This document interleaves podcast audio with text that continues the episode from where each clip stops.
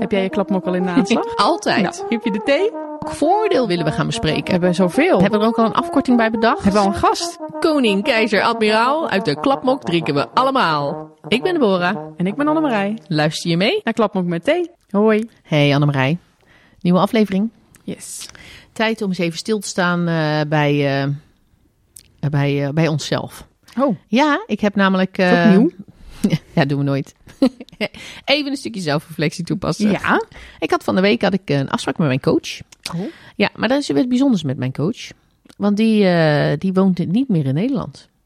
Die heeft eh, gekozen voor, eh, voor ja, dit is een haar, haar leven ergens anders verder door te brengen. Die is geëmigreerd. Zo. Hartstikke leuk. Ja, ja, ja. Ontslag genomen? Ontslag genomen en is geëmigreerd. En woont daar nu heerlijk tijd voor zichzelf en al dat soort dingen. Mhm.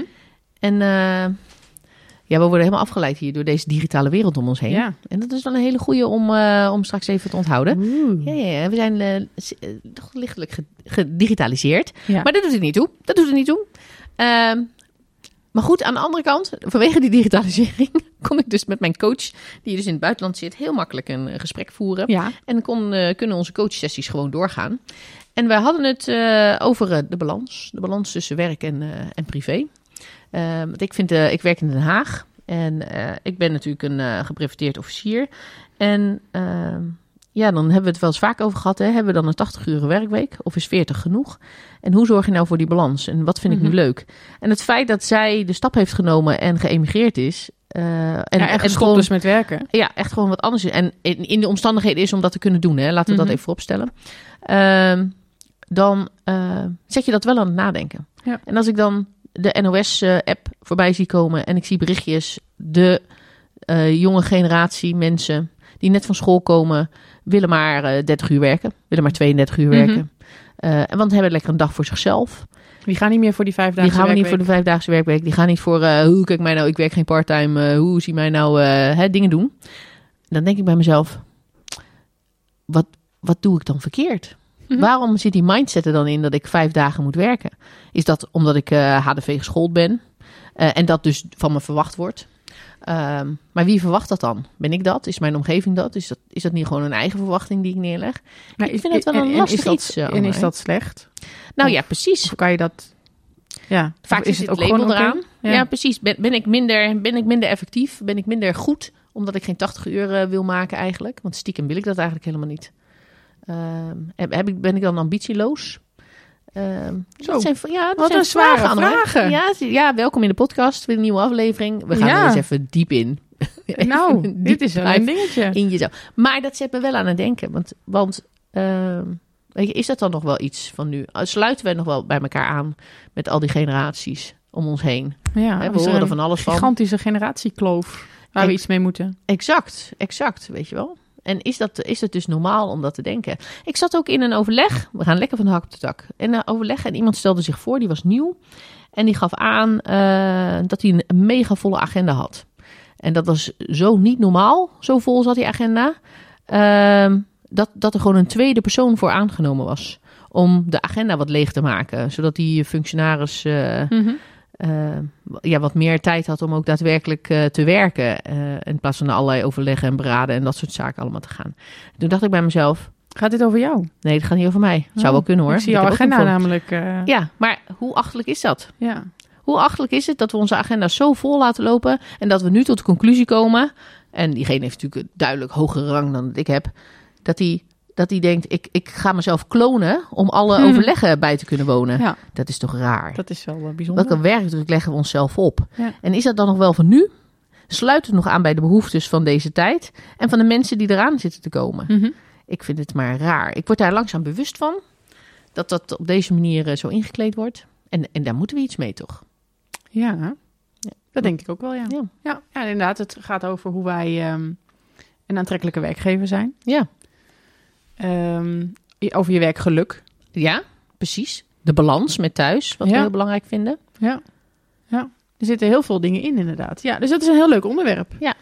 Dus we gaan dat eens, eh, gewoon eens uitdiepen van hoe zit dat met generaties en verschillende wensen. En, en En behoeftes die mensen hebben Ja. en eh, verwachtingen die we onszelf opleggen en Ja. opgelegd worden. Is dat toch wel van deze tijd? Ja, en hoe Sluit kunnen we aan. daarmee omgaan op de werkvloer, ook onderling? Juist. Nou, Hmm. laten we, de, laat, laten we gewoon eens de generatie-expert eh, erbij halen. En haar eens bevragen hoe dat nou precies zit met al die generaties. We gaan luisteren. Ja, we zitten hier met de kapitein Annemarie Beukers. Yes. Welkom. Dankjewel. Ik heb jou nog niet heel vaak ontmoet eh, gedurende mijn eh, carrière binnen Defensie. Maar hier wil ik even mee beginnen. Oh? Wat ik nooit zal vergeten. Uh-oh. Ik lag in een bos. met allemaal pubers.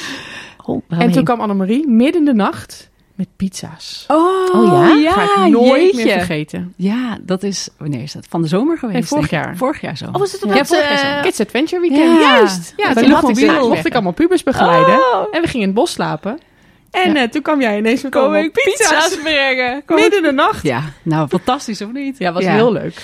Ja, dat konden jullie ook wel gebruiken, denk ik. Dat denk ik ook. Ja, zeker die generatie. Ja, ja, juist die jonge gasten. Ja. die vonden dat volgens mij helemaal fantastisch. Ja. Met blikjes er Ja, nog bij. we hadden een vuur. Ja, Dus, ja jullie eh, hadden de, eh, dat vuur bij ons eh, thuis ook. Ed had dat opgehaald eh, destijds. Ja, Ja. dat klopt.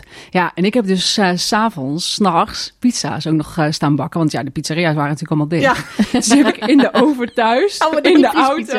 Oh, naar. Schaarsbergen. Ja, inderdaad. Ja, Oh, dus heel leuk. Wat leuk. En ik dacht, nou ja, dus we gaan met jou het hebben over generaties. Ja, juist. En eh, hoe gaan we daarmee om? En wat is het? Waar hebben we het eigenlijk over? Ja, tof. Dus om daar direct maar mee te beginnen. Ja, oké, de verschillende generaties. Ja. Waar praten we dan over? Ja, nou als je op generaties zoekt, dan kun je eigenlijk verschillende generaties of op internet kun je allerlei verschillende generaties vinden. Maar wat ik eigenlijk standaard gebruik zijn vier generaties, sorry, binnen onze organisatie. Dat zijn de babyboomers, dat zijn de X'ers, dat zijn de millennials, dus dat is eigenlijk de I-generatie, en dat zijn de Z'ers. Dat zijn eigenlijk de vier generaties die werkzaam binnen, zijn binnen onze generatie op de werkvloer. Waarbij die boomers eigenlijk aan het uitfaseren zijn. Hè. Die worden eigenlijk die organisatie tussen haakjes uitgedrukt. En die zetters, die zijn zich steeds meer aan het begeven bij ons op de werkvloer. Die komen de scholen af ehm, en die, ja, die gaan aan het werk. En die nemen echt een andere dynamiek mee, een andere mindset mee. Ehm, en ze zeggen ook, hè, maatschappelijk gezien, zeggen ze ook... met de komst van een nieuwe generatie verandert de maatschappelijke cultuur. En dat zie je eigenlijk ook op dit moment bij ons in onze organisatie gebeuren. Waarbij onze cultuur, onze defensiecultuur of landmachtcultuur eigenlijk redelijk robuust is natuurlijk. Ja. En we zijn met z'n allen gevormd in initiële opleidingen, bij parate onderdelen, et cetera. Bepaalde vorming meegekregen. Maar je ziet dus die zetters de werkvloer opkomen op dit moment. Ja, die nemen eh, andere kwaliteiten ook mee. Hè? Digitale kwaliteiten bijvoorbeeld. Maar nemen ook een andere mindset mee. Ander perspectief mee. Zij kijken echt anders naar de wereld dan de andere drie generaties. Hè? Die boomers, die X'ers en de millennials. Binnen onze organisatie. Dan die zetters. Ehm, en dus zie je ook een bepaalde dynamiek ontstaan binnen onze organisatie. En dat, ja, dat, dat zie je eigenlijk dat dat op dit moment aan de gang is. Eh, omdat Z gewoon een andere generatie is dan die andere drie generaties. Gert, zou je daar even, zou je dat eens weg kunnen zetten? Want als ik het heb over, eh, over de boomers hè, en over de X'ers en eh, de millennials, waar heb ik het dan over? Wa- Wat, eh, wa- wat, wat, ben, wat ben ik? Wat zijn wij? Zeg maar, weet je, hoe, hoe is dat verdeeld? qua leeftijden. Ja, bijvoorbeeld. Als je kijkt naar, eigenlijk is een, een cohort van een generatie zo'n 15 tot 20 jaar. En een generatie wordt eigenlijk geduid door ehm, ja, bepaalde bijzondere eh, gebeurtenissen of bijzondere items die er in dat cohort, in, die, in, die jaar, in dat jaarbracket eh, plaatsvinden. Dus als, als je het over boomers hebt, dan heb je het over ehm, eh, ja, van 45 tot 60 ongeveer. De mensen die in dat cohort zijn geboren. Als je het over de, ehm, de X'ers die daarna komen, dan heb je het over van 60 tot 80 ongeveer. Als je het over de millennials hebt, dan heb je het de mensen die tussen 80 en 1995 zijn geboren. En de zetters, dat zijn de mensen die vanaf 596 tot aan ongeveer 2010 zijn geboren. Ja. Ehm, nou, dat is zeg maar qua leeftijden, qua leeftijdscohorten, dat zijn de generaties. En die zie je dus ook terugkomen bij ons in onze eh, organisatie. Maar die generaties zijn met name, ehm, eh, dat zijn natuurlijk de maatschappelijke generaties ook. En dat komt ook met name door hoe zij opgevoed en opgegroeid zijn. Alleen binnen onze organisatie word je natuurlijk eigenlijk ook nog een keer groen opgevoed. En groeien groen op. Ja. Ja. en dat was natuurlijk in de jaren tachtig anders als dat dat hè, in 2000 was bijvoorbeeld. Of dat dat nu anno 2023 is. Dus daar zitten ook nog verschillen in. Dus wij hebben binnen onze organisatie te maken met maatschappelijke generaties. Maar we hebben ook te maken met organisatiegeneraties. Want wanneer ben jij ehm, ja, ge- opgeleid hè, je initiële opleiding? Maar zit daar, zit daar echt daadwerkelijk veel verschil in? Want ik kan me herinneren van mijn eigen opleidingen. Eh, en ik moet dan zeggen dat ik door de met name boomers ben opgeleid, denk ik. Ja. Als, als een, eh, een late x'er, laat ik dan maar zo zeggen. ja. Ehm, maar wat je vaak hoort is, ja, maar eh, ik moest dat vroeger ook zo doen. Dus Ja. jullie doen dat ook. Ja.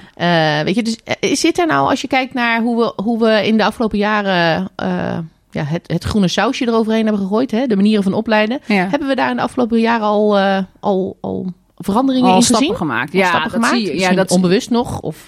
Nou, onbewust denk ik, maar bewust ook steeds meer. Ik denk dat we ons als organisatie ook steeds meer bewust zijn van eh, überhaupt verschillen eh, in mensen. Ja. Ehm, nou, wij hebben het nu over generaties, maar ja, persoonlijk vind ik generaties echt een ondergeschoven kindje binnen onze organisatie. Terwijl Oh. we het eigenlijk overal binnen onze organisatie tegenkomen.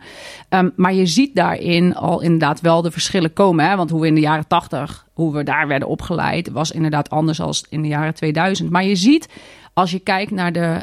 Kijk, generaties en generatiedenken is eigenlijk van alle dag. Hè? Je kan eh, de generaties nog heel ver in het verleden terugtrekken. Alleen als je kijkt naar wat maakt generatie Z bijvoorbeeld nu anders dan de andere generaties, is er eigenlijk, nou, er zijn eigenlijk twee hele belangrijke aspecten die Z op dit moment anders maken. Dat is de digitalisering. Ja. is een hele belangrijke. Zij zijn digital born, zij zijn digitaal geboren. Ja. Terwijl de andere generaties digital race zijn. Die zijn digitaal opgevoed en opgegroeid. Daar zit echt een verschil in. En ehm, als we het hebben over de ontwikkeling van de hersenen... en dat is eigenlijk een fase die alle generaties hebben doorgemaakt. Als we het hebben over de... Ja, Ja. ja, ja. Ja, ja. En bij sommige mensen denken we dat het misschien nog niet allemaal is uitontwikkeld. Dat kan ook. Maar als we kijken naar de ontwikkeling van de hersenen... dan is het, je prefrontale cortex is als laatst volgroeid bij, Ja. hè, in, je, in je hersenen.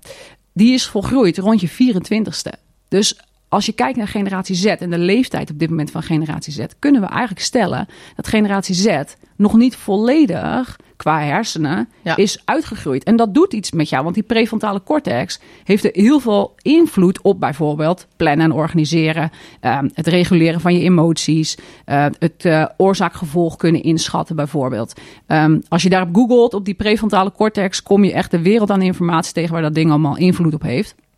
Maar dat is dus, als we het hebben over onze organisatie, want generatie Z zit op dit moment ook gewoon verweven hè, binnen onze organisatie. Ja, Het is niet alleen maar op de- de werkvloer dat we daar manschappen hebben vanuit generatie Z, maar ook onderofficieren die nu starten zijn zetters, officieren die starten zijn zetters. Ja. Maar wij verwachten zaken van onze jonge leiders bijvoorbeeld ook als het gaat over plannen en organiseren. Ja, en als je dan denkt aan die prefrontale cortex, hè, generatie Z, ja, hoe gaan wij daar als organisatie dan mee om? Ja. Ehm, en die, die bewustwording zie je wel steeds meer komen. Ondanks dat ik van mening ben dat het eigenlijk misschien nog wel meer zou kunnen. Maar, maar dit is dan toch eigenlijk met iedere generatie? Dit was Ja. dus toch ook als de, toen de millennials, toen wij jong waren? Ja. Ehm, nou ja, wij. Ja, hè, ja, ja. Mhm. Hier is Ehm, het scheidingsvlak tussen ons. Mooi hè? Ja, ik begin een Dit is het. Dit is het verschil tussen ons. Ik krijg steeds Ja. meer duidelijk nu. Maar ja, die waren, toen die begonnen, waren, die, hadden die die prefrontale cortex die nog niet eh volgroeid was. Ja, alleen bij Z, wat Z dus op dit moment echt significant anders maakt, is die digitalisering. Want als je eh, kijkt naar generaties, hè, wat we eigenlijk parallel aan onze generaties kunnen meetrekken, is hiërarchie. Binnen onze organisatie is het veelal, hè, niet 100% natuurlijk, maar veelal dat de oudere generaties zitten veelal achter de knoppen van bevoegd gezag. Hè, terwijl Ja. de jongere generaties veelal op de werkvloer te vinden zijn. Ehm, dat is niet zwart-wit, maar grotendeels is dat natuurlijk wel de verdeling. Ehm, als we het hebben wat je daar ook nog in eh, eigenlijk door zou kunnen trekken als je het overzicht gebruikt. Wat ik altijd in de sessies die ik geef, hè, want ik, geef, ik mag gelukkig sessies geven op bijvoorbeeld eh, de SV en de TV van de KMS. Het zijn eh, de Ehm, secundaire vorming en de tertiaire vorming. Hè? Dat zijn een beetje ja, loopbaanopleidingen Ja, de we loopbaanopleidingen voor de jamioors, adjudanten. Ja. Ehm, en daarin eh, word ik eigenlijk elke eh, cohort zeg maar, van een opleiding word ik uitgenodigd. En mag ik daar een sessie geven over ehm, human skills. Dus oh ja, hoe gaan we dan met elkaar om? Welke skills kun je daarvoor meenemen? Ehm, en daarin hebben we het ook over generaties. En daarin bespreken we eigenlijk, wat daar centraal staat, is begrijpen die verschillende generaties elkaar Ja. Begrijpen de oudere generaties, de jongere generatie, maar ook begrijpen die jongere generaties dan die oudere generaties. En, en als je dus daarnaar, daarnaar kijkt, dat, dat is eigenlijk een heel mooi gesprek wat je daarover kunt voeren met elkaar, omdat je in verschillende cohorten bent opgevoed. Ehm, zowel civiel, eh, maatschappelijk, maar Ja. ook groen. En daarin gebruik ik eigenlijk altijd een overzicht, ehm, eh, eh, visueel, omdat ik dat als een soort praatplaat Ja. eigenlijk gebruik. Ja, heerlijk. Ehm, en die is te vinden. Houden jullie van? Ja, heel erg heel van. goed. Die is te vinden. eh, Die is van Jonge Geesten. Dus als je naar www.jongegeesten.nl gaat, dan vind je daar het overzicht die ik eigenlijk altijd gebruik. Dat is een, een overzicht die volgens mij ook van Manpower af, afkomstig is. En die gebruik ik standaard. Dat is mijn praatplaat. En dat zie je eigenlijk in één overzicht. Zie je de verschillen, worden de verschillen geduid tussen de verschillende generaties. En als je dat overzicht ziet en je daar eigenlijk een soort grafiek op zou trekken met een bepaalde lijn qua digitale ontwikkeling en digitalisering van de maatschappij, Ja. dan begint die heel erg laag. En dan gaat hij door, wordt hij wat hoger richting die X'ers. Hè. Dan krijg je de televisies bijvoorbeeld. Richting millennials krijg je de eerste PC. Ja, ja, ja. ja, ja, ja. We hadden tv thuis. Maar goed, Met de tv. met een afstandsbediening. En er zat een draadje tussen. De afstandsbediening en de tv. Dat was eh, de eerste tv van Nou, mij. misschien kun je je ook nog herinneren je eerste PC. De eerste computer die je dan eh, uiteindelijk kreeg. Want dat Ja, dat was heel groot. Die was heel groot. met floppy disks waarschijnlijk. Ja, En, in eh, allerlei eh, formaten. Ja, ja, ja, ja, Hele Nee, grote, kleintjes. Nee, dan moest je zo'n hendeltje om en deed zo'n grote floppy erin. En, woep, en dan ging dat hendeltje om. Ja. En dan, eh, dan Was je even het tien minuten bezig om je computer Ja. op te starten? Ja, daar moest je even tijd voor nemen. Ja. Maar die had je toen ook nog. Ja, alle daarom. tijd. Alle tijd van de wereld. Ja, Ja, ja, ja. Zat je ondertussen een boekje te lezen waarschijnlijk Ja, als je aan het ook wachten dat. was. Ja. daarom. Maar goed, als je dus dat overzicht pakt en je trekt daar een grafiek eh, of een lijn in mee, Ja. dan gaat die steeds meer omhoog. Maar als je dus bij tussen millennial en Z aankomt, die gaat exponentieel omhoog met de komst van het internet. Ja, dat volgt natuurlijk gewoon die hele exponentiële groei vanuit Ja. de technologieën. Ja, Ja. en dat maakt, hè, want wat ik al zei, generaties eigenlijk van alle dag. Ehm, als je hè, bijvoorbeeld 2500 jaar geleden bij Socrates, eh, daar werd al geroepen, hè, jongeren hebben geen respect voor ouderen, geen ontzag eh, voor eh bevoegd gezag bijvoorbeeld. Dat Ja. werd toen al geroepen. Toen vonden wij dus al als mens zijnde iets van jongeren. en dat is nooit. En misschien zit dat wel in ons mensen. Dat is wellicht nooit anders geworden. Ja. Maar als je dus naar dat overzicht kijkt, dan zie je dus dat door de komst van dat internet, die digitalisering, maakt eigenlijk dat zetters ja, anders in de wedstrijd staan, anders in het leven staan, anders met elkaar communiceren. Ja. Waar wij oudere generaties hè, wat van vinden. Ja, Terwijl we dat is zelf- niet hetzelfde. Je, je identificeert jezelf er niet mee. Nee, nee. En, en hè, de oudere generaties die zitten misschien niet dag en nacht op hun telefoon om te communiceren. En wij oudere generaties vinden daar dan ook wat van. Terwijl dat voor hun heel normaal is. Ja. Zij zijn zo geboren. Dat hebben wij trouwens, oudere generaties, voor hun ingeregeld. Hè? ja, wij hebben, dat wij hebben dat gecreëerd. De oudere generaties hebben die eh, omstandigheden, omstandigheden voor die zetters. Hebben die, dat, die hebben dat op die manier weggezet. Ja. Ja, nu vinden we daar als oudere generaties wat van. Terwijl de grote vraag is eigenlijk binnen onze organisatie. Wat kunnen we daarvan leren? Wat Ja. kunnen we daarmee? Hoe kunnen we dat nou zo optimaal mogelijk gebruiken? Ja. Om ervoor te zorgen dat wij die krachten die zij meenemen, dat we die zo goed mogelijk kunnen benutten. Ja. Is het ook niet een kwestie van een beetje eh, omdenken? Want wat je va- vaak ziet, hè, dan zeggen ze ja, maar eh, tegenwoordig de jeugd zit alleen maar op zijn telefoon. En eh, nou goed, de, dat, dat wordt wel langzaam overgenomen. Hè. Dat zie je alle generaties door, eh, zie je tegenwoordig steeds meer op de telefoon. Maar Ehm, hè, en we vinden het vaak negatief. Je ziet heel vaak negatieve berichten. Dan hebben we het misschien niet over de generatie Z, maar de generatie die daar alweer eh, achter komt. Ja, de generatie Alpha. Ja, precies. Dan, hè, dan kijk je naar je eigen kinderen bijvoorbeeld. En dan zie je weer op het, eh, op het journaal voorbij komen dat ze. Oh, de, de, de schermtijd voor een kind, voor een kleine peuter, is al twee uur, drie uur Ja. op een dag. Ja. Omdat we dat aandoen. hè, de kinderen die komen niet meer buiten, zitten alleen maar achter de computer. Ja. Allemaal negatief, negatief. Is het niet ook een kwestie van ehm, eh, omdenken? Wa- Wat, wat kunnen we daar nu, eh, hè, wat je zelf zegt, hè, wat kunnen we daar nu uithalen? Maar is het ook allemaal zo negatief als dat we denken dat het, eh, dat het is? Omdat het niet is, hè, wij denken allemaal, oh, je moet lekker buiten spelen, want eh, Dat is goed voor dat is je. goed voor je en Ja. dat is gezond. En je moet je vrienden opzoeken Deden buiten. wij ook. Dat deden wij ook. Maar ja, Ja. als ik mijn zoons nu naar buiten stuur, dan zijn ze alleen. Ja. Ja, ja want de rest, want de rest is binnen. En de rest is binnen op hun telefoon. Of, eh, ja, zitten gamen of... te gamen. eh, ja. Ja, nou ja, ik denk dat je hem daar treffend aanhaalt. Wij refereren heel erg vanuit ons eigen perspectief. Ja. Wij hebben heel erg onze eigen, ik noem het altijd de, onze eigen nullijn. En die nullijn, die lat, die leggen wij ook op deze generatie. En wij vinden daar dus iets van. Ja. Ehm, Terwijl voor hen is het communiceren via een telefoon of het niet meer naar buiten gaan om je vrienden op te zoeken, maar om dat digitaal te doen. Dat is heel normaal. Ja. Dat gebeurt en dat gebeurt gewoon ook ehm, als we het hebben over middelbare scholen bijvoorbeeld. Ja. Hè? Mijn dochter van 13 zit nu in de brugglas. Ja, die wordt geacht om een telefoon te hebben, een mobiele telefoon met internet, zodat ze de laatste updates in het rooster kan zien of de cijfers worden op die manier gecommuniceerd. Weet je, heel veel zaken gaan digitaal. Ja, ja Ehm, absoluut. En dus de civiele wereld, hè, de maatschappij, gaat daarin mee, speelt daar ook op in.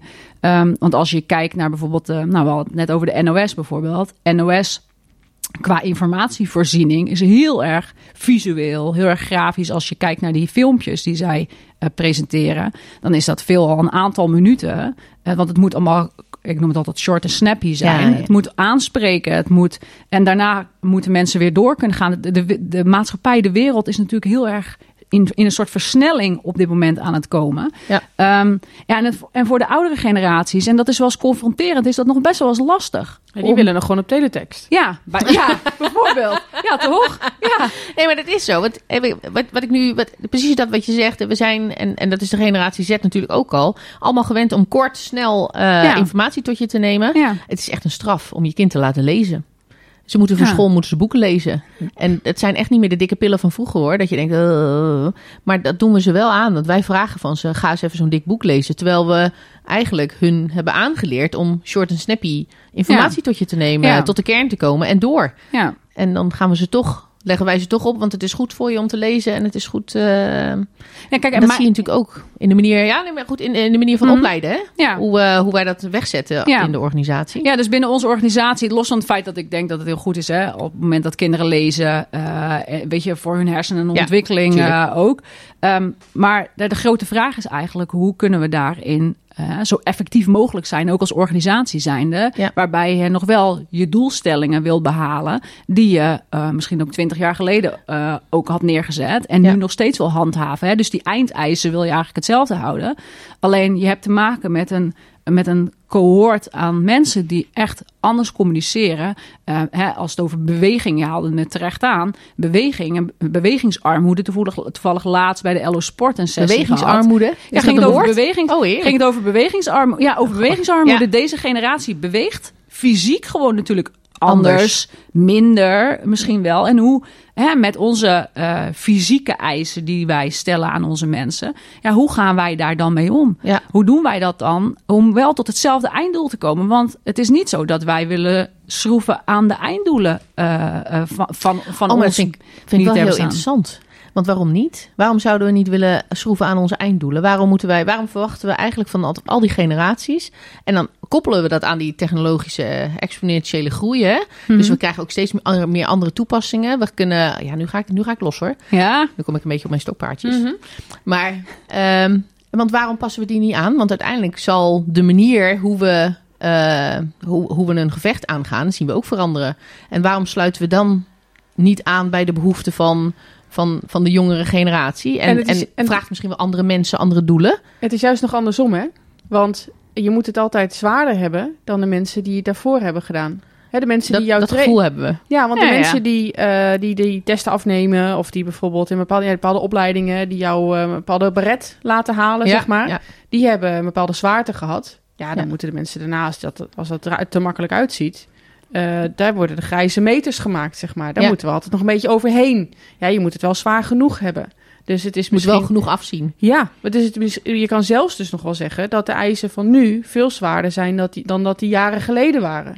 Zou ook zomaar kunnen. Ja, nou, het is, het, is, het is mooi dat we het hierover hebben. Want het is, je ziet het binnen onze organisatie dat dat niet voor iedereen geldt. Het is niet dat ehm, iedere instructeur of iedere leidinggevende dit op deze manier ervaart. Maar ook puur gewoon kijkt naar, oké, wat hebben deze mensen op dit moment nodig eh, van mij? En wat, naar, welke, naar welk einddoel moet ik ze dan brengen? En wat is, hoe ben ik het meest effectief? Ja. Ehm, alleen als we kijken naar het zijn van militair ehm, en de eh, verwachtingen die daar ook aan hangen, op dit moment ook als organisatie, ja, hebben we die nog niet veel bijgeschroefd. Dat het gevecht gaat veranderen ehm, en dat we daarin andere nou, skills ook nodig hebben, ben ik het helemaal eens. Ja. Ehm, en dat we misschien wel meer hè, hybride, eh, Ja. dat we meer cyber. En Ja, dat we dus ook, ja, dat we dus ook gaan. meer die kennis en kunde nodig hebben. Helemaal eens. Helemaal eens. En dat is denk ik ook een specifieke populatie binnen onze organisatie, waarin Z denk ik ook heel goed aansluit met digitale kennis, et cetera, et cetera. Alleen daar moeten we ze ook goed in kunnen begeleiden. Daar moeten we ze, het is natuurlijk, we hebben het over, nu over de bewegingsarmoede en de fysieke gesteldheid, maar Ja. ook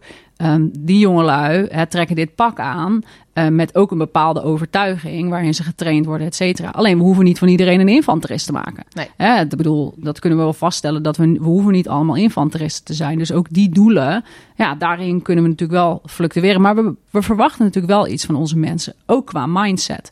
Ehm, dus ook die weerbaarheid, hè, de stressbestendigheid, et cetera. Ja, de grote vraag is, hoe trainen we dat dan? Hoe trainen we dat dan bij die zetters? En zijn wij ons ervan bewust ehm, dat we...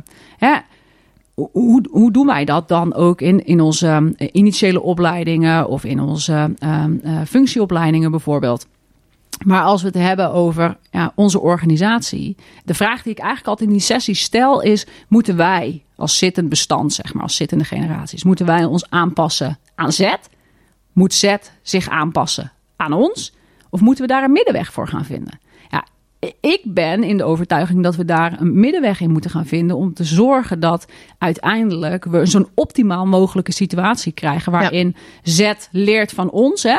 Als we het hebben over, nou, we hadden het net over die eindeisen, maar over het zijn van Mhm. militair. Wat, Ja. En wat brengt dat mee? Hè? De va- ervaringen die we hebben Ja. opgedaan in al die jaren. En hoe komen wij dan tot zeg maar, de kern bij die zetters? Van wat brengen zij mee en wat kunnen wij daarmee? Ja. Want zij brengen ook gewoon unieke skills met zich mee. Sterker nog, de, de, de maatschappij richt zich daar natuurlijk nu ook gewoon op in. Want kennen jullie ChatGPT?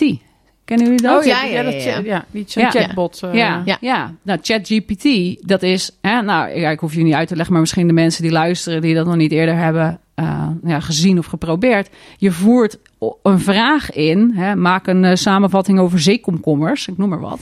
Ja, je stelt die vraag aan, die, aan dat programma en daar rolt een, een samenvatting uit. Of Ja. daar rolt een, een, een, een soort werkstuk rolt daaruit of een stappenplan. Of, ja, en Ja. dat is hè, AI is natuurlijk de toekomst ook eh, in die zin. Ook over het vergaren van kennis en het, en het ehm, kunnen ophalen van informatie. Ja, Ja. en zetters, die zijn daar al wellicht nou, meer in bedreven. Nou, Nou, die begrijpen het misschien eerder. Hè, die Ja. hebben het eerder... Want dat is een beetje wat ik, wat ik altijd merk. Hè. AI vinden we allemaal heel erg spannend en eh, klinkt allemaal heel stoer. Ehm, maar eigenlijk weten we helemaal niet zo goed wat het nou eigenlijk betekent voor ons. en Wat het, wat het gaat inhouden. Maar ik denk juist de generatie Z, dat die veel beter in staat zijn om daar een invulling aan te geven. Of om daarover na te denken. En dat misschien voor ons, wat oudere generaties, misschien wel een zo ver van je bedshow is. ja. Dat het gewoon zo lastig is om daarin mee te schakelen. Om nu concreet te maken. Laat staan dat je het wil loslaten. Een controleslag wil loslaten. En het helemaal over wil laten aan AI. De vraag of, dat, of je dat überhaupt moet willen. Dat is natuurlijk een vraag. Hè? Dat, dat, dat is Nou, een ik andere denk- vraag. ja. Maar ehm, het, het leren begrijpen en de toepassingen daarvan inzien. eh, dat vraagt nog wel wat voor die oudere generaties. Want dat betekent dat je ook moet gaan loslaten. ja. Ja. En dat, eh, dat is misschien best wel lastig. Want je moet iets Ja, je- toevertrouwen aan iets wat je niet helemaal begrijpt. Ja, en je, je zit denk ik diep in die ijsberg. Hè? Ja.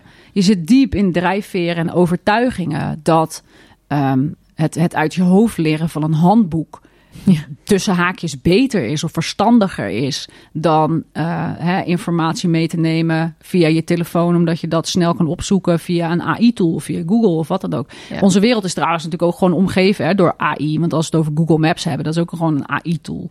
Ja. Dus we gebruiken het civiel eigenlijk al heel veel. Hè, buiten deze kazernepoorten eh, zijn we omgeven van de AI, bij wijze van. Ja, onbewust nog hè. Ja, nou ja, dat is, dat nou, is het. En ik denk dat, dat dat misschien wel het sleutelwoord op dit moment is: bewustwording. Bewustwording bij onszelf. ehm, van wat kunnen wij nu leren van zetters? Wat kunnen zetters leren van ons? Ehm, en hoe maken we daar zo'n optimaal mogelijke situatie van? Ja. Want als we het hebben over ehm, nou, de generatie D. eh, spot kennen jullie, Ja, denk ik wel. Hè? Ja. Generatie D is overigens geen eh, civiele, zeg maar, maatschappelijke generatie. Maar generatie D is eigenlijk wat we net beschreven. Die boomers, die X'ers, die millennials en die Z'ers. binnen onze organisatie. Dat Ja. is eigenlijk één grote generatie, dat heet generatie D. Iedereen met hart voor defensie. Ja, iedereen met een groen hart, hè, groen bloed door je, door je aderen, et cetera. Dat, ja. Maar als we het hebben over die spot, daar wordt één, naar mijn mening, een hele belangrijke zin in gezegd. Namelijk, we hebben allemaal dezelfde mindset. Ja. Dat betekent dat die vier generaties die wij net, hè, waar we het nu over hebben, dat die allemaal dezelfde mindset zouden hebben binnen onze eh, organisatie. Ja, en ik denk dat dat eigenlijk nog niet zo is. Nee. Ik denk wel dat we daar naartoe moeten. Ik denk ook dat dat, hè, als we kijken naar die ideale wereld binnen onze organisatie, dat dat het meest mooie zou zijn. Ja, dan vinden we elkaar Ja. ergens. Ja, Ja. maar op dit moment denk ik dat dat nog niet het geval is. Nee, waarom denk je dat het nog niet is?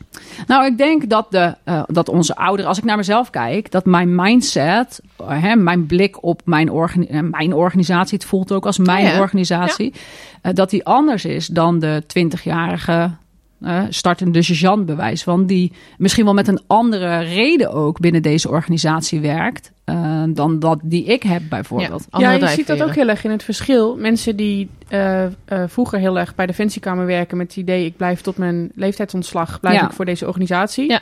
En mensen die nu binnenkomen, die, die denken van... nou, ik ga hier een paar jaar werken Ja. en dan zie ik het wel. En dan ga ik waarschijnlijk weer iets anders doen. Ja. Ja, maar dat brengt natuurlijk ook gelijk weer op dat, eh, op, op dat, eh, op dat stuk wat, we, wat, ik- wat ik heb gelezen bij de NOS. Dat natuurlijk de generatie Z, die nu van school afkomt en eh, iets nieuws... wil helemaal niet vijf dagen in de week werken. Ook nog. Die, Ja. wil, eh, die wil tijd voor zichzelf. Ja. En daar zijn En, we helemaal niet op ingericht. Daar zijn we helemaal niet op Want je, ingericht. kan, je hebt alleen maar vol, vol, voltijds aanstellingen... en dan moet je buitengewoon verlof vragen... Ja. als je Ja. iets, iets van een deeltijdvariant wil als militair. Ja. Ja, ja, Ja. We, we hebben natuurlijk wel mogelijkheden om hè, flex te werken. Dus dat je vier keer negen gaat werken of Ja. op een andere manier. Maar niet het zeggen van, eh, joh, maar ik werk eh, wo- woensdag helemaal niet. En dan niet, eh, want ik werk maar zoveel uur. Ik heb maar een contract van eh 30 uur. En dan ook Of- echt of niet 20 woensdag uur. werken. Hè? Nee, ja, precies. En de dan niet- volgende stap. Als ik op oefening ga, dan moet je er altijd zijn, eh, principe. Of stiekem toch op je flexdag werken, want je bent gewoon bereikbaar of wat dan ook. Nee, echt gewoon, echt die mindset dat je zegt, maar ik werk maar drie dagen voor Defensie. En misschien maar en twee dagen werk ik misschien wel ergens anders. Dat zie je ook veel in de nieuwe generatie. Dat ze allemaal losse baantjes hebben. Ja. Dat ze een bepaalde uitdaging zoeken. En Ja. dan, nou, ik werk twee dagen daar en ik werk drie dagen daar. Of Ja. twee dagen en één dag werk ik niet. ja.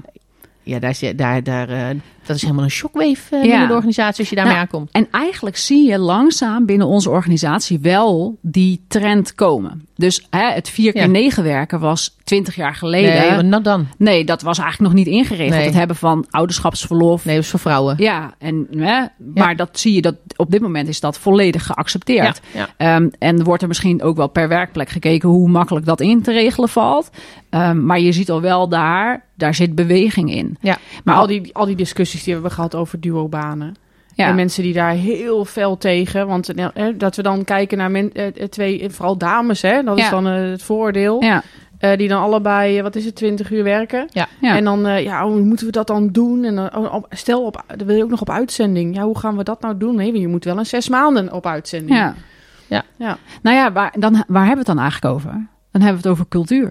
Ja. Ja. De cultuur binnen onze organisatie, de overtuiging binnen onze organisatie was eerder. En gelukkig, tenminste mijn mening is dat we daar steeds meer een kentering in zien komen. Hè, ook de missies die gesplitst kunnen worden tussen eh, vrouwen Ja. met kinderen. Ja, Ehm, ja maar de mooie zou zijn als dat gewoon een, een standaard kan worden. mannen met kinderen. Of mannen Ja, met precies. kinderen, Als, je- als dat bij jouw situatie past Ja. op dat moment. Eh, weet je, dat je best je... Lo, jo, dat is wat een lastig woord. Loya- Lo- loyaliteit. Ja, loyaliteit. Als je erover na gaat denken, lukt het niet meer.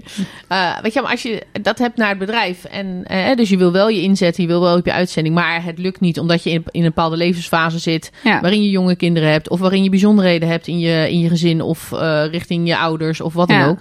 Weet je, dan is drie maanden misschien makkelijker dan zes maanden. Ja. Eh het zou voor iedereen eh, zou dat een bespreekbaar onderwerp zijn, Ja. moeten zijn. Nou ja, wat ik wel mooi vind op dit moment is dat ze volgens mij bij de HDP op Ja. dit moment bezig zijn met het eigenlijk creëren van een nieuw HR, eigenlijk een nieuwe HR-constructie met Ja. andere contractsvormen. Hè, dat we straks richting de deeltijd militair gaan. Dat is eigenlijk wat ik ook vaker wel roep. Over tien jaar weten we misschien niet beter als Nee. dat er de fulltime militair is en dat er deeltijd militairen bestaan. Ja. Ehm, maar op dit moment is het natuurlijk nog best lastig dat als jij, stel je nou voor, een 25-jarige corporaal, hè, een zetter, Ja. die bedenkt, nou weet je, inderdaad, zetters zijn heel erg nou, ik scheer alles nu over één kam, maar wat er over zetters wordt geroepen, is dat ze heel erg geënt zijn inderdaad op werk-privé-balans. Dus hè, voor hun is vrije tijd veelal belangrijker dan geld. In de zin van, er moet genoeg geld zijn. Ja. En dan is vrije tijd ook heel belangrijk. Stel je nou voor, die 25-jarige corporaal, die heeft zijn financiën eens even opgelijnd en die denkt, nou, ik verdien op dit moment, ik noem even een fictief bedrag, 2500 euro. Eh, hey, en ik heb maar eh 1500 euro nodig als ik mijn huur en alles bij elkaar optel. Ja. Dat betekent dat ik eh, even snel uitgerekend dat ik maar drie dagen zou hoeven werken. Want dan verdien ik voldoende. En dan heb ik, ik heb liever twee dagen vrij om vrije tijd te hebben, Ja, als dat ja. ik daar geld voor terugkrijg. Ja, zien wij het al voor ons dat er een 25-jarige corporaal met zijn request voor onbezoldigd verlof naar zijn naar PC loopt of Ja. naar zijn CSM loopt. En die inlevert en zegt, nou, ik heb er eens over nagedacht. Ik heb er eens goed, hè, ik heb alles even onder op een Ja. rijtje gezet. Ik ga drie dagen werken. ik ga drie dagen werken hier bij mijn request. Ja, Ja. dat, op dit moment kan dat niet. Maar dat Nee. komt met name vanuit cultuur. Die, Onze overtuigingen en drijfveren zitten ons daarin ook nog wel deels in de weg. Ja. Ja. Ja, en Ehm, ook dat flex, de flexen, wat jij Ja. net zei, Deborah. Ja. Hè, dat je dus iets korter kan werken, dat je daar in je rooster direct... of dat je daar wat extra verlof voor krijgt. Dat kan al niet als je in fase 1 zit. Ja, Hè, dus de bijvoorbeeld. eerste aantal jaren bij Defensie heb Ja. je die optie helemaal Ja. niet. Nee. Ja. Nee. Nou, als je dat dus bedenkt. En dan, hè, wie zitten er veel al in fase 1 op dit moment? Ja, dat zijn veel De al de zetters. zetters. Ja. Ja. Dus als je kijkt naar de mindset die zij meenemen, is het, hè, ze willen, geen idee, avontuur. Ze willen bij deze organisatie werken. Ze hebben een bepaald, ik noem het altijd maatschappelijke meerwaarde Ja. willen ze beleveren. ja, ze hebben een bepaald idee. Ze, ik noem het altijd het psychologisch contract. Dus ze hebben een set aan verwachtingen die ze hebben richting de organisatie. Die wordt gevormd door alles wat ze, voordat ze binnen deze organisatie echt aan de slag gaan, eh, wat ze meekrijgen op de media, van eh, de buurman die misschien militair is, het nieuws, eh, et cetera. Weet je, dus ze hebben een bepaald idee. Nou, dit is wat ik kan gaan doen. Nou, ze kijken een keer op de site, www.werkenbijdefensie.nl. En ze hebben, nou, zij denken, nou, als ik daar straks ga werken, dan ga ik studeren. En dan eh, wil ik ook inderdaad wat vrije tijd, want dat is belangrijk voor mij. En dan stappen ze in. Hè, de eerste paar maanden worden ze nog geëntertained in hun initiële opleiding. en dan komen ze bij hun parate eenheid. En dan denken ze, nou, weet je, ik krijg nu zoveel salaris. Inderdaad, doe maar je drieënhalve dag. Doe eens gek. Doe maar Ja. je woensdagmiddag en een Ja. vrijdag. Ja. Ja, dat is, ja, dan slaan heel veel mensen bij ons in onze organisatie natuurlijk zo'n soort van op hol. Ja. En dat is het lastige. eh, want ook als leidinggevende, ja, weet jij dan wat jouw mensen drijft? Ken jij als leidinggevende dat, dat, dan dat psychologisch contract van jouw mensen? Weet jij wat zij verwachten? Want als jij daarachter komt dat jouw zetter in jouw team dat idee heeft en jij weet al, ja, dit gaat lastig worden, want hè, misschien is het überhaupt wel qua functionele werkzaamheden dat het gewoon een uitdaging wordt. Ja. Dan zal je dat psychologisch contract ook bij moeten stellen. Dus dat is wel een lastige. Jullie hadden het met de kolonel eh, Bert Stam volgens mij ook Mhm. over virtuous eh, leadership. Ja, en, eh, en dat ging ook over self-awareness. Ja. ja, die self-awareness, ook bij die leidinggevende, is zo rete belangrijk. Ook met name naar die zetters toe. Want die, ze- kijk, let, let wel, die zetters, hè, dat is de toekomst van onze organisatie. En Alpha, wat erachter zit, die niet heel veel anders zijn, ook qua digitalisering en communicatie. Ja. Dat, zijn, dat, zijn de toek- dat is de toekomst van onze organisatie. Ja. Dus hoe gaan wij hen nu begrijpen, waarbij we zeker niet volledig ons moeten aanpassen aan hen? Dat is zeker niet mijn overtuiging, maar wel als je kijkt op, hè, op het gebied van self-awareness en Ja. being a virtuous leader. hoe doe ik dat dan? En heb ik dan... Je moet wel voor openstaan. ja, Ja, ja, precies. Ja. juist. Ja, je- en wat haal ik eruit? Ja. Stoppen met, omdat ik het vroeger zo had, moet jij dat ook doen. Ik moest dat vroeger ook, dus jij ook. Ja. dat, kan, dat kan gewoon echt niet. Nee, alleen dat is het lastige, want dat zit in een soort van, eh, ik noem het altijd donkergroene sporen die in onze hersenen zijn getrokken, ook in initiële opleidingen. Zo, die zijn in die initiële opleidingen zo diep erin gekerfd. En daar zitten bepaalde overtuigingen Dat is in. je militaire DNA. Ja, maar dat is echt zo. Ja. Ja, en daar schieten wij, daar vallen wij natuurlijk nog wel eens in. Dus als je Ja. self-aware bent en je denkt, oh ja, ik ben me bewust van mijn donkergroene sporen in mijn hersenen, laat ik eens buiten die sporen gaan lopen. Dat hebben wij met die vijf dagen werken, Deborah. D- Dat, dat, eh, dat we dat moeten doen. Dat is ons spoor. Ja, ja. Ik moet vijf dagen werken. ja, Ja, dat hoort zo. ja waar, waar komt dat vandaan? Ja, dat Ja. is je eigen overtuiging Ja. dus. Ja, en dat is heel lastig om daarvan af te wijken. Of tenminste, je kan je daar heel erg bewust van zijn. En, Ja. en, en, en je moet je daar dus ook, denk ik, de eerste periode bewust van zijn... om te zorgen dat je er misschien een ander spoor naast weet te bouwen. Ja. Waardoor je dat eerste donkergroene spoor niet meer nodig hebt. Maar dat is lastig. Moet je Ja. voorstellen dat... Hè, wij rijden hier rechts natuurlijk. Moet je voorstellen dat je naar Australië emigreert en dan rij je links. Ja, dat naar rechts rijden, dat spoor, letterlijk dat spoor... Ja. ja dat blijft trekken op de een of andere manier. Heb je de Mhm. neiging Ja, is je spiergeheugen die gewoon... eh, hup, Ja, ja. Dus, Of je het niet? Ja, nee, goed. Dus. Ja, nee, maar dat zit, dat zit allemaal in die bovenkamer. Ja. En, dat is, ehm, en ik denk dat het mooie is, hè, als je bedenkt, oké, maar wat kunnen we hier nu concreet mee, ook als leidinggevende of als organisatie? Het begint allemaal bij bewustwording. Ja. Het begint erbij om het gesprek te hebben en met elkaar, zeg maar, te kijken, oké, maar hoe gaan we dat dan doen? Hoe kan ik nou zorgen dat ik die zetter optimaal begrijp? Ja, daar heb je je human skills voor nodig. Hè? Daarvoor moet je luisteren, daarvoor moet je reflecteren op jezelf. Daarvoor. En dat is wel een trend die ik zie op dit moment in onze organisatie. Dat dat soort skills, hè, dus niet die groene skills, maar echt die human skills, dat die steeds meer ook in opleidingen terugkomen om onze mensen ja, dit ook aan te leren en hierbij te helpen om dit te doen, onze leidinggevenden. Maar zouden we dat niet breder moeten doen? Want we zeggen nu wel van ja, dat komt in opleidingen terug. Eh, maar hoeveel opleidingen hebben die boomers nog en die generatie X?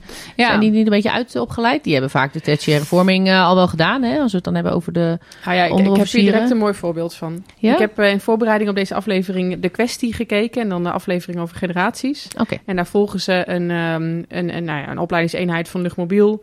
En dan spreken ze uitgebreid met een adjudant, met een rode beret, met een heel boos hoofd. En Nee, nee, het is geen boos hoofd, het is een warface. is een, met, een, met een warface, inderdaad. Ja. Nee, maar die dus, eh, nou, die bevragen ze dan over, oké, maar hoe ziet dan die generatie eruit die je hier binnenkrijgt? En wa- wat zijn dan de verschillen? Nou, die gaat er echt even opsommen van inderdaad de bewegingsarmoede. Ziet die is op een hele andere manier bewegen. Ehm, eh, maar bijvoorbeeld ook, ja, ze kunnen helemaal niet meer tegen kritiek.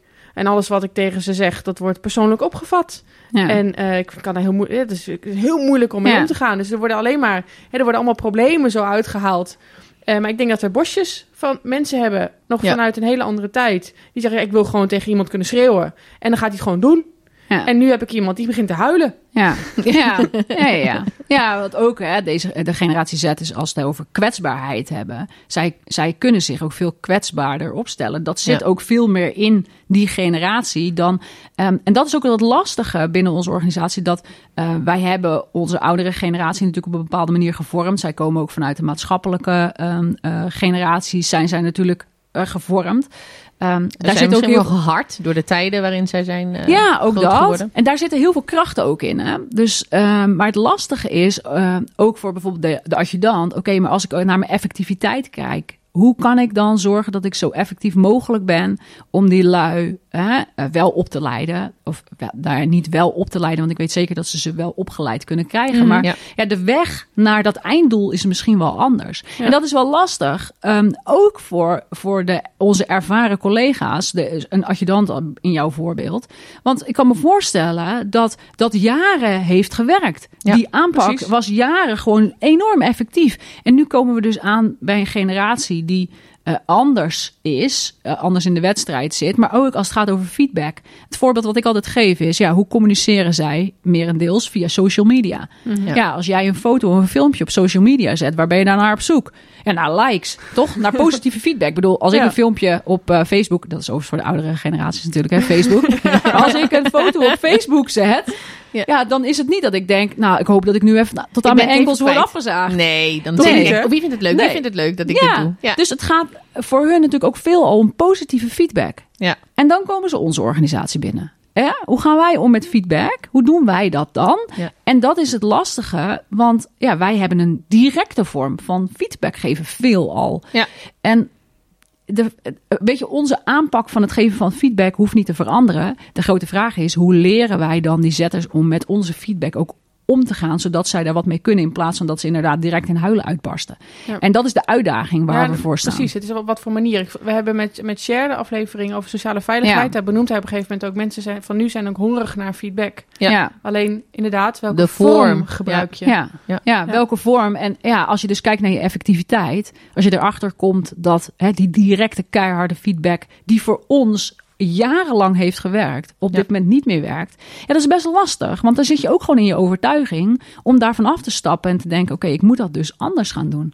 Ehm, terwijl aan de andere kant de overtuiging misschien ook wel is: ja, zij willen bij ons horen. Dan Ja. moeten zij zich ook aan ons aanpassen. Maar dat is, de, dat is het lastige, want die luxe hebben we ook niet. We hebben niet een hele grote vijver binnen onze organisatie, of tenminste binnen de maatschappij, waar Mhm, wij ja, in onze organisatie uit kunnen vissen. Ja. Dus die uitdaging hebben we ook. En dan begint het dus bij self-awareness. Ja. Van Ja. leidinggevende van oké, wacht, hè, dit werkt dus niet meer. wat heel vervelend is voor mijzelf, want ik heb jarenlang gedacht dat ik dacht, dit Mhm. werkt. Ja, dit ja, is goed. da- daar zul je je dus op aan moeten passen. En dat, is, dat is enorm lastig. Want je gaat echt buiten die sporen eh, moet je gaan lopen. Ja. Eh, ja, dus dat zie je. Die dynamieken zie je binnen onze, eh, binnen, binnen onze organisatie. Maar ik heb hele goede hoop. Want er zijn gelukkig ook heel veel instructeurs, leidinggevenden... die dat wel op die manier eh, oppakken. Dat zie je ook eh, gelukkig heel, heel veel wel gebeuren. Hè? Mensen die ook eh, daar aandacht voor hebben, die er oog Ja. voor hebben. Ja. Maar ja, Ehm, precies dat. Hè. Het gaat echt, we hebben het honderd keer genoemd, denk ik. Het gaat echt om die bewustwording Ja. en, en die zelfreflectie. Hè. Als jij natuurlijk zelf goed in staat bent om goed te kijken naar je eigen handelen en, en op zoek gaat naar je eigen effectiviteit. Hè. Ja. Wanneer ben ik effectief en wat heb ik nodig om effectiever te zijn? Ja. Als je daarvoor open staat, ja. Ja, ja, dan ben je eigenlijk al eh, voor eh 75% binnen. Ja, nou, dan ligt daar je winst. Ja. Op het moment dat je daar hè, ook feedback op vraagt, eh, maar ook hè, re- reflectie, een human skill. Oké, maar hoe heb ik dat nu, nu dus aangepakt? Was, ik daar, was dat handig? Wat heeft dat die ander gebracht? Wat heeft het mij gebracht? Ja. Maar ja, dat is lastig. Ja. En daarom, eh hè, we hebben te maken met, met de nieuwe generatie zetters die mondig zijn, die gewend zijn om een weerwoord te geven. Mhm. in onze organisatie is dat natuurlijk eigenlijk jarenlang not done geweest. Nee. Eh, hè, En dan zijn we als Nederlander nog ja, nog soepel de poepel Ja. eh, internationaal gezien. Ja. Hè? Want eh, god, je mag een mening hebben als, als corporaal. Bij Ja. wijze van. Dat is elders mogelijk. nou, het is elders gewoon anders. Ja, nee, maar dat is, dat is echt zo. Maar goed, als we naar onze eigen cultuur kijken, zie je dus dat het weerwoord, maar ook ehm, die informatievoorziening gaat zo snel. Dus als jij als leidinggevende iets vertelt, het checken van die informatie, Ja. ja dat is natuurlijk binnen no time gebeurd met je mobieltje. Dus, en, en, en dat maakt het lastig, want je, je wordt misschien wel à la minuut geconfronteerd met hetgene wat jij hebt gezegd. Dat ze zeggen, ja, maar wacht eens even, we hebben dat opgezocht. Of we hebben dat even gecheckt, maar dat klopt helemaal niet. Nee. En dat maakt het enorm- Ja, dat is, ja, maar dat is wel wat confronterend. Ja, Ja, en dat maakt, het, eh, dat maakt het lastig. En- nou moet ik zeggen dat echt niet alle zetters zo zijn. Hè? Want eh, als ik op de KMS, ik ben in een gelukkige omstandigheid dat ik de KMS mag eh, rondlopen voor mijn onderzoek. Hè? Ik studeer psychologie. Dus ik begeef me al 2,5 jaar te midden van de generatie Z. en een- voor mij een enorme cultuurshock in het begin. Nadat ik na, na ruim 20 jaar in dit pak te hebben gelopen, dacht ik ga studeren om naar de NPSD te gaan. Ja, die groene sporen En eh, ja, dat ik erachter kwam, oké, weet je, het is echt niet dat al die zetters over één kam te scheren zijn. Nee. Zeker niet. Alleen de wijze van communiceren, de wijze van eh, hoe zij met informatie omgaan, is gewoon echt anders dan die andere generaties. En, en, en laat dat nou een, eigenlijk een paar pilaren zijn binnen onze organisatie. En daar zie je dus dat dat soms wankelt. Ja. En dat je dus te maken hebt met overtuigingen van de oudere generaties, hè, de gebruiken die wij hebben in onze cultuur, de omgangsvormen, Ja. hiërarchie. Want we hebben natuurlijk ook hè, de rangen. Dat is ook een bepaalde structuur. Maar ja, het, het omgaan met generaties, het top-down kan je dat bijna niet opleggen. Dus het, die bewustwording moet echt vanuit iemand zelf komen om daar eh, ook de meerwaarde eh, mee te gaan vinden. En wat, wat zouden we moeten doen als organisatie? Wat hebben we, wat hebben we nodig om, die, eh, om, om meer tot elkaar te komen? Is dat echt alleen het zelfbewust worden Nee, van het feit dat we zo zijn? Want wat, wat, heb- wat hebben we als organisatie nodig? Ik denk wat we nodig hebben is ehm, het, het elkaar echt oprecht begrijpen. Ja. En niet alleen de oudere generaties, de jongere generaties, maar ook echt die jongere generaties, die oudere generaties. Want het gaat ook om die startende PC, die Ja. die ervaren open C, die Ja. al die ervaring meeneemt in zijn rugzak, weet te overtuigen van dat vernieuwende idee dat dat echt wel heel goed is. Terwijl die open C denkt, nou 25 jaar ervaring, ik weet niet zo zeker of dit gaat lukken, maar ik ga je een kans geven. Dus daar het zit ook vanaf de andere kant. Ja. het is echt niet alleen maar dat het bij die oudere generaties ligt. Nee. Het is ook echt die jongere generaties die een organisatie inkomen met een bepaalde cultuur. Wat zij ook moeten begrijpen van oké, weet je, hoe ga ik nou die oudere generaties benaderen? Hoe zit Ja. dat dan? Ja. Ja, wat wij nodig hebben om dat begrip te kweken, ja, waar ik een heel groot voorstander van ben, is, ik, misschien kennen jullie het wel, reverse mentorship, omgekeerd mentorschap. En dan niet op omgekeerd mentorschap vanuit de organisatie opgelegd als een soort van eh, uitgerold programma. Ja. Maar de, de, de, de oudere medewerker die denkt, ik, ja, het zou van meerwaarde voor mij kunnen zijn als ik gewoon een aantal jonge lui aan mij gehaakt heb, tussen haakjes. Dat ik af en toe eens kan, kan vragen, Ja. feedback kan vragen. hey, ik heb... eh, ik heb net dit en dit uh, idee uh, geopperd of ik heb deze opdracht gegeven. Hoe is dat bij jou overgekomen? Of hoe is dat in de groep overgekomen? Om als een soort pijlstok. Ja, precies. Maar dat er wel de situatie is dat de, de jongere generatie ook gewoon oprechte feedback terug kan geven. Ja. Dat is natuurlijk het lastige in onze organisatie. Hè? We hebben het ook over belangen binnen onze Ja. organisatie. We hebben het over de hiërarchie die, er, Ja. hè, die kijkt en dat je door de rangen heen door wil groeien, et cetera. Hè, Jullie hebben het volgens mij het beoordelingssysteem ook wel eens eh, eh, besproken. Ja. hoe zit dat dan? Hè? Met 360 graden feedback bijvoorbeeld, maar ook de beoordeling eh, in de functionele lijn. Ja, is die, is die veiligheid er dan om mijn leidinggevende die feedback te geven of Precies. niet? Maar als leidinggevende, ik als leidinggevende zou heel graag willen weten... oké, maar wat speelt er dan binnen mijn eh, team? Eh, Ja. Dus als we het over omgekeerd mentorschap hebben... dan zou ik... Dat zou ik het allermooiste vinden als dat binnen onze organisatie niet als plan wordt uitgerold, maar dat dat in een soort van op een gegeven Ontstaat. moment ja, ontstaat en Omdat dat je mensen zelf die behoefte hebt. Juist. Ja. Ja. en omdat je dus zelf als, als, in dit geval als oudere generatie, de meerwaarde ervan ziet om een aantal van die jonge lui aangehaakt bij jou te hebben Ja. en daarvan te leren, oprecht van te leren, zodat je zelf ja, misschien wel effectiever bent. Ja. Ja. Ja, nou, dat, maar dit raakt natuurlijk ook wel een stukje aan, eh, aan diversiteit. Ja, Hè, daar hadden we dus natuurlijk, eh, voordat we de aflevering begonnen heel, heel, kort over. Hè. Je ziet, diversiteit wordt vaak, eh, wordt vaak gezocht tussen man en vrouw.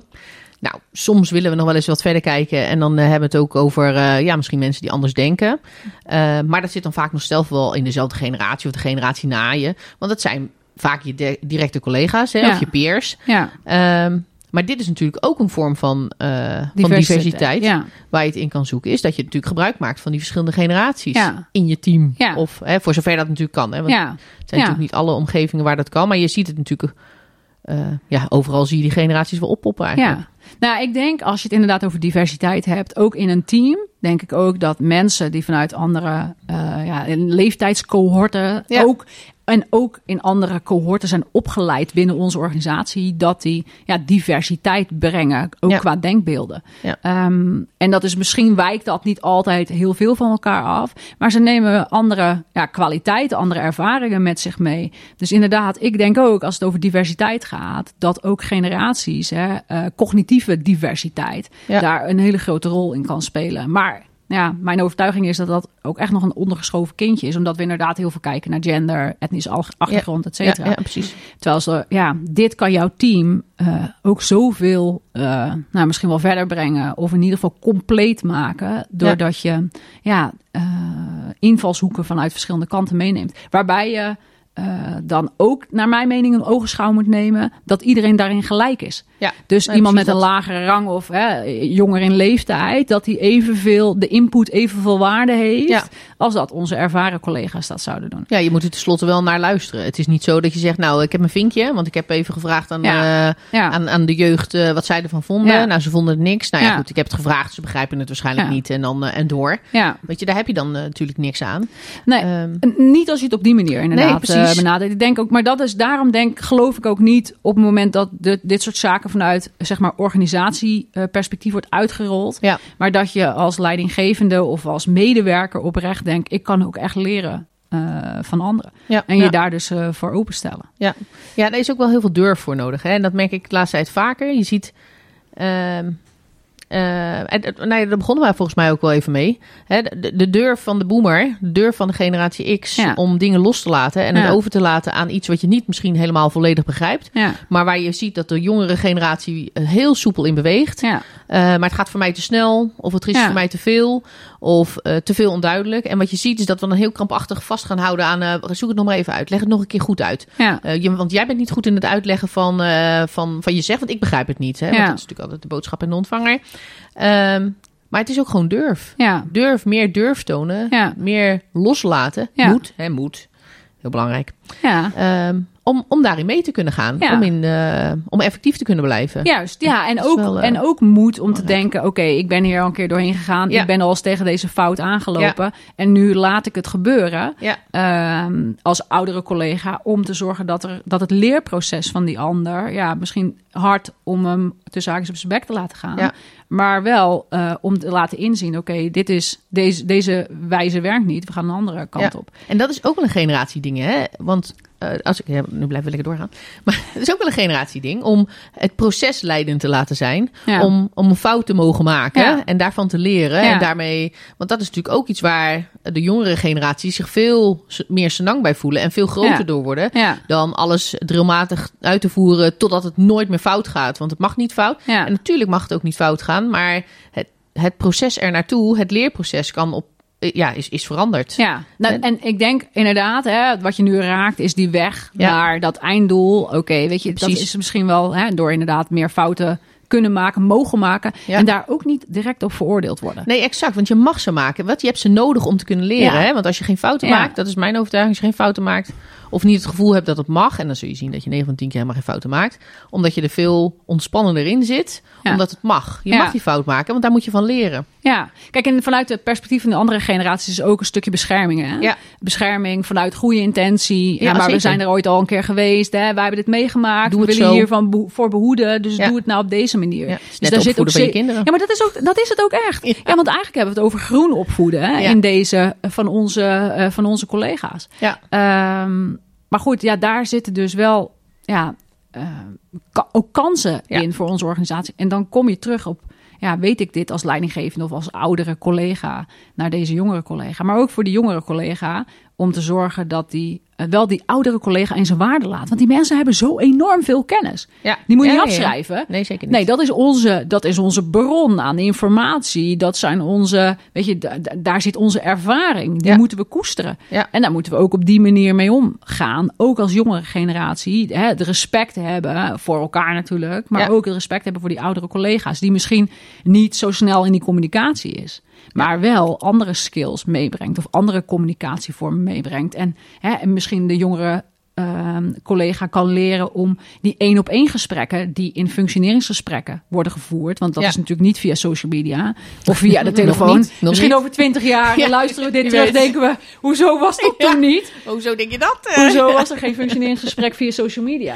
Maar dat zijn natuurlijk gewoon één op één gesprekken. Die van onze leidinggevende, wat ook zetters zijn, Ja. ook gewoon wordt verwacht. Ja. Ja, dus hè, daarin kunnen we die oudere collega's, die nemen daar zoveel ervaring ook in mee. En die weten hoe het is om een één op één gesprek. Dus ik zeg niet dat een zetter dat natuurlijk helemaal niet weet. Maar hè, over het algemeen is communicatie is daarin iets anders. een grote verschil. Ja. Ja, dus je ziet ja, binnen onze organisatie gewoon heel veel, eh, of, of je ziet verschillen, je ziet ook heel veel overeenkomsten.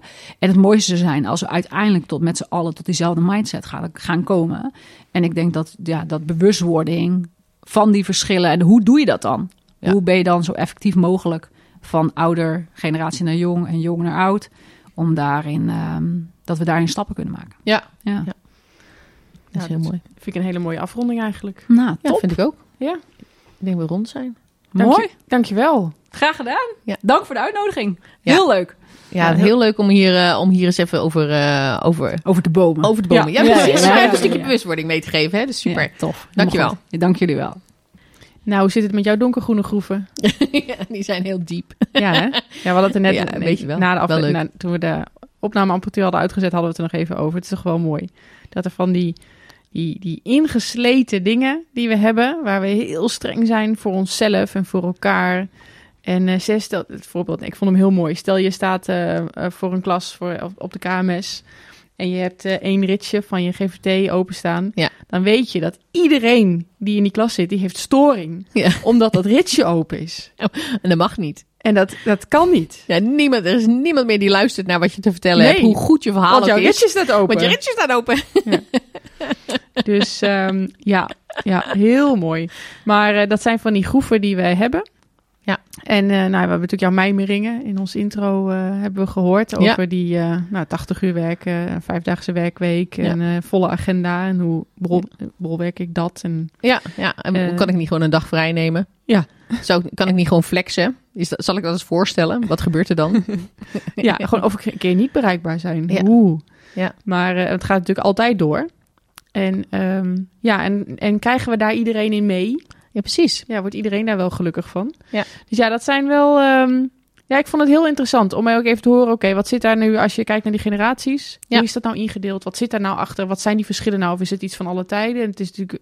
Ik vind het wel interessant dat Annemarie aangaf dat er dus wel echt een groot verschil is tussen de eh, generaties die we al kenden en dan Gen Z. Ja. Dat daar echt wel een grote, ehm, nou ja, toch wel een kloof, Ja. denk ik. Nou ja, en dan met name door die digitalisering. Ja. eh, ik, vind dat wel, eh, ik vind dat wel heel erg leuk. Maar wat ik, wat, wat ik ook leuk vond, was, was dat... Daar zijn we eigenlijk niet meer aan toegekomen in de aflevering. Is dat ook elke generatie zo zijn eigen leus heeft... Ja. waaraan je ze kan herkennen. Hè? Mhm. Want eh, dan hebben we natuurlijk de, hè, de Gen Z, de generatie Z waar we het over hebben. Ja, die leeft helemaal bij FOMO. Fear of missing out. Juist. Ja. Weet je dat FOMO tegenwoordig ook een tegenhanger heeft? Nee. Dat is de JOMO. En wat is dat? De joy of, eh, the joy of missing out. Oh, dat Ja. het juist lekker is als Dat- je niet mee hoeft te doen. Precies, precies. Oh. Dat is een beetje wat je nu ziet komen. En of dat dan een generatie alpha ding is, dat weet ik dan weer niet. Maar, dat zou eh, kunnen inderdaad. ja. Oh, wat grappig. ja, die hoor ik dan tegenwoordig. Hè? Ja. Oh, FOMO, FOMO. Ja, dat je juist onttrekt aan alles waarvan Ja. je... Dat je daar even lekker niet bij hoeft te zijn. Ah. Dat je lekker niet... eh, Ja. Maar eh, ja, maar misschien is dat ook wel weer een... eh, is dat meer onze generatie die dan zegt... eh, nou, ik hoef niet eh, overal bij te zijn. Ik vind het ook wel lekker om er niet bij te zijn. Ja. Even om, om die balans te Oké, herstellen. oké. Ja. Nou, en dan wat is er dan bij de millennials? De JOLO. You only live once. You only live once. Precies, dus die gaan, die gaan ervoor. Oké. En dan krijg je de generatie X. Nou, Ja, dat is niet lullen, maar poetsen lui. En wat ik wel heel leuk vond, is dat... we hebben dus binnen onze organisatie hebben natuurlijk heel duidelijk de can-do mentaliteit. mhm. En die komt dus voort uit de generatie X, hoorde ik net. Van Annemarie. niet lullen, maar poetsen. Niet lullen, maar poetsen. Dat is Ja, die we gaan het gewoon mentaliteit. Ja, Doen, ja. hoe dan ook, dat gaan we doen. En daar slepen we alles en iedereen mee. Dus eigenlijk zeggen we heel kort. Hè, we we hebben wel eens eh, binnen de organisatie natuurlijk de discussie, hè, die can-do mentaliteit. Is dat dan een positief iets of is dat niet een positief iets? Mhm. Want als je natuurlijk eh, bijna op omvallen staat en je hebt geen spullen meer en we zorgen er wel voor dat het toch lukt. Ja, dan heb ik misschien blijkbaar die spullen niet eens nodig of die mensen niet nodig, want het lukt toch wel. Mhm. Eh, hè, en wil- willen we niet ergens dan ooit een keer een punt maken van nou, laten we maar gewoon een keer nee zeggen. Ja, dat zit ook niet in onze Nee. diep donkergroene groeven. Nee, Eh, niet lullen, om- maar poetsen. Juist, want Ja. Dus, en, en willen we hiervan af, dan betekent dus dat we dus eigenlijk nog wat generaties te, tegemoet komen. Hè? Want het schuift natuurlijk allemaal door eh, naar links, hè, om maar zo te zeggen. Dus dat mooie overzicht erbij pakken. We beginnen bij de boomers tot 1960. Nou, die zijn bijna zijn die natuurlijk uitgefaseerd in onze organisatie. Ja. En dan, eh, dan, dan is de generatie X is er dan van. Daar zit ik Ja, in, daar zit Anne-Marie. jij in, ja. ja. nog net. Hmm. Zit ik, zit ik daarin? Nou, voel jij je Maar ook een generatie X? Eh, niet lullen, maar poetsen? Ja, en, nou, en al die andere dingen natuurlijk. Ja, nou ja, ja, ik denk het wel. Ik denk het wel. Ik zie dat heel erg met mijn... eh, ik zag je net opleven toen je het had over floppy disks. ja, Dat past er natuurlijk wel bij. Nee, dat is, mijn- dat is mijn. IT-hart. Dat is mijn IT-hart die eh, dan sneller gaat kloppen. Ik word helemaal gelukkig van floppy disk. Nee, laten we dat eh, beeld vooral, vooral niet willen wegzetten. Dat ik gelukkig word van floppy disk. Want dat is eigenlijk niet het geval. Oké, gelukkig. Nee, dat is waar. Maar ik, ik ben natuurlijk wel van de Facebook en niet van de, de, Ja, Facebook, de, ja. de, de, de, de, de an- de andere TikTok. socials, TikTok en zo. Dat Ja. is dan echt wel weer eh, voor mijn kinderen. Snapchat. Snapchat. Ik zat niet eens op mijn telefoon. Nee, we hebben net een Snapchat-foto gemaakt. Ja, Voor de mensen die ons leuk. volgen, die, eh, die hebben hem Instagram. al gezien op de Insta. Juist. En, of misschien op LinkedIn, als je mij dan weer eh, met mij geconnect bent op LinkedIn. Ja. Bora heeft nog steeds geen LinkedIn. Nee, nee, nee. Ehm, ja, we hebben een prachtige Snapchat-foto gemaakt. Nou, daar hebben we wel een tijdje over gedaan om een goed filter te vinden. Ja. Maar we zien er prachtig uit in Nou ieder ja, geval. je, we hadden natuurlijk over die bewegingsarmoede van, eh, hè, die we dan eh, labelen aan de generatie Z. Maar Ja. je kan natuurlijk ook omdraaien, natuurlijk de digitale armoede. Wij hebben digitale armoede. in onze Heel generatie. duidelijk. Ja. Hoe lang het duurt. Ik denk dat mijn zoon eh, dat ding al lang uit onze handen had getrokken. En dan doe je zo. We kregen zelfs klachten hier dat we te veel lawaai maakten. Ja, ja, ja. Ja. nou weet ik niet of dat echt alleen maar ligt aan het feit dat we proberen een foto te maken. Maar Nou, er kwam wel wat, wat geluid bij. eh, hilariteit. Ja, hilariteit, Hilariteit. alom. Ah, hier, precies, precies. Maar goed, eh, we hebben dus nog de boomer. De boomer heeft niet echt een leuze. Nee, het was meer van de structuren. Ja, ja de één op één eh, contact Ja. structuur. Maar ik moet wel zeggen, ook, ook als je hier nu weer bewust, eh, bewust mee bezig bent, hè, dan zijn we toch Mhm. weer een uurtje verder en dan zijn we toch weer bewust bezig met al die generaties. Ja. Ik vind het wel echt machtig interessant. Het Ja, komt echt overal Absoluut. terug. Ja. Eh, maar het zet me ook wel tot nadenken hoor. Dat ik denk Ja. van ja, hoe moet ik dat doen? Hoe, hoe zoek ik dan dat contact? En ben ik dan inderdaad een, een, een X'er? Mhm. Of eh, ben ik eigenlijk, ja, ik ben wel een X'er, omdat ik in, de, in het jaar geboren ben. Maar ik ben je natuurlijk in opgegroeid in een millennial tijdperk. Ja. Maar ja, weet je, hoe zit het met mij? Hoe, eh, hoe doe ik dat? Hoe maak ik contact? Hoe zorg ik dat, eh, dat ik effectief ben? Eh, zowel naar boven als naar beneden toe. Mhm. Ja, hoe dus zoek je die aansluiting? Ja, ik vind het hele, dat, dat die hele gedachte ook vanuit de organisatie bezien of vanuit leiderschap bezien. Ja. Eh, ook leuk dat ze de link maakten met dat Virtuous Leadership, waar we die aflevering natuurlijk al eerder over gemaakt hebben. Ja. Dat vind ik ook heel interessant. Want inderdaad, hoe blijf je dan ook aantrekkelijk als werkgever en hoe zorg je voor een optimaal team Ja. waar je toch iedereen in meeneemt? Ja, precies. Eh, en ik heb toevallig vorig jaar een, eh, zo'n korte cursus gedaan over adaptief leiderschap. En die had Ja. ik er nog eens bijgepakt. En dat lijkt in heel veel aspecten best wel heel erg op dat virtuous leadership. Ook waar het gaat om, we moeten klaar zijn voor de toekomst. Klaar zijn voor collega's uit andere, ook uit andere generaties... Mhm. die hele andere wensen hebben, andere dingen willen. En daar moet je als leider dus heel erg eh, op een goede manier mee om kunnen gaan. Ehm, ja, om dan nog steeds het werk op, eh, ook op de goede manier uiteindelijk te kunnen doen... en een goed team te kunnen vormen. En eh, toen kwam ik uit en oh, ze hadden een tip gegeven van kijk een TED-talk van Amy Edmondson. Nou, sowieso is aanrader eh, Amy Edmondson echt, die heeft hele, hele goede dingen geschreven en een paar hele goede TED-talks op, inter- op internet staan. Ja. Eh, over onder andere sociale veiligheid, maar ook over teamvorming. Oké. Ehm, en wat daar wel heel interessant aan was, en dat is een aspect wat je ook ziet in de hele sociale veiligheid, psychological safety is echt haar theorie, is dat je als leider ook ehm, eh, situationele nederigheid moet laten zien. Situational humility. Ja. Ehm, en daarmee, ehm, kijk, want stel dat jij heel erg eh, als leider alles bepaalt en jij weet alles en jij bent, hè, jij bent degene, het orakel, zeg maar. Ja, ja, ja. Dan is er dus ook geen openheid daaromheen om andere inbreng te hebben. Ja. En eh, ze geeft een voorbeeld in die TED-talk over een, zo'n mijnongeluk ergens in Chili of zo. Daar zaten allemaal mensen vast. Ehm, dat was heel ingewikkeld om die eruit te krijgen. En eh, ze hadden daar eigenlijk geen oplossing voor. Dus ze hebben toen uiteindelijk allemaal verschillende mensen bij elkaar gehaald. Ja. En die hebben gewoon iets nieuws bedacht. Die hebben gewoon iets bedacht waarbij ze eerst een bepaald gat hebben gemaakt... waardoor ze wat eten en medicijnen en drinken en zo in dat gat konden... eh, waar ze zaten konden Ja. krijgen. Ja. En uiteindelijk hebben die lui hebben er echt 69 dagen of zo... hebben daar, eh, hebben daar gezeten. Precies, ja, daar waren normaal lang dood geweest. Ja. Maar toen hebben ze eh, dus door eerst op een andere manier bij ze te komen, er kon daar eten en drinken heen. En toen hebben ze daarna iets heel nieuws gebouwd met allemaal wetenschappers en allemaal mensen uit allerlei hoeken die nog nooit met elkaar samen hadden gewerkt. Ja. Uit, allemaal, uit allemaal verschillende landen ook. Echt een groep bij elkaar gezet die gewoon, waarvan je, die nog helemaal op geen enkele manier een team waren. En die hebben op een dusdanige manier met elkaar zijn die tot een resultaat, een eigenlijk bijna onmenselijk resultaat gekomen. Die hebben Ja. een heel nieuw iets gebouwd een soort lift-systeem waarmee die mensen uiteindelijk allemaal uit, dat, uit de, die, die ingestorte mijn zijn Ja, gehaald. die schacht. eh, Allemaal levend. Ja. En eh, dus zij heeft, eh, zij gaat, dus die TED Talk gaat er dus over van hoe kan het nou dat een team dat toch helemaal geen team is, tot zo'n onmenselijke uitkomst komt. Ja.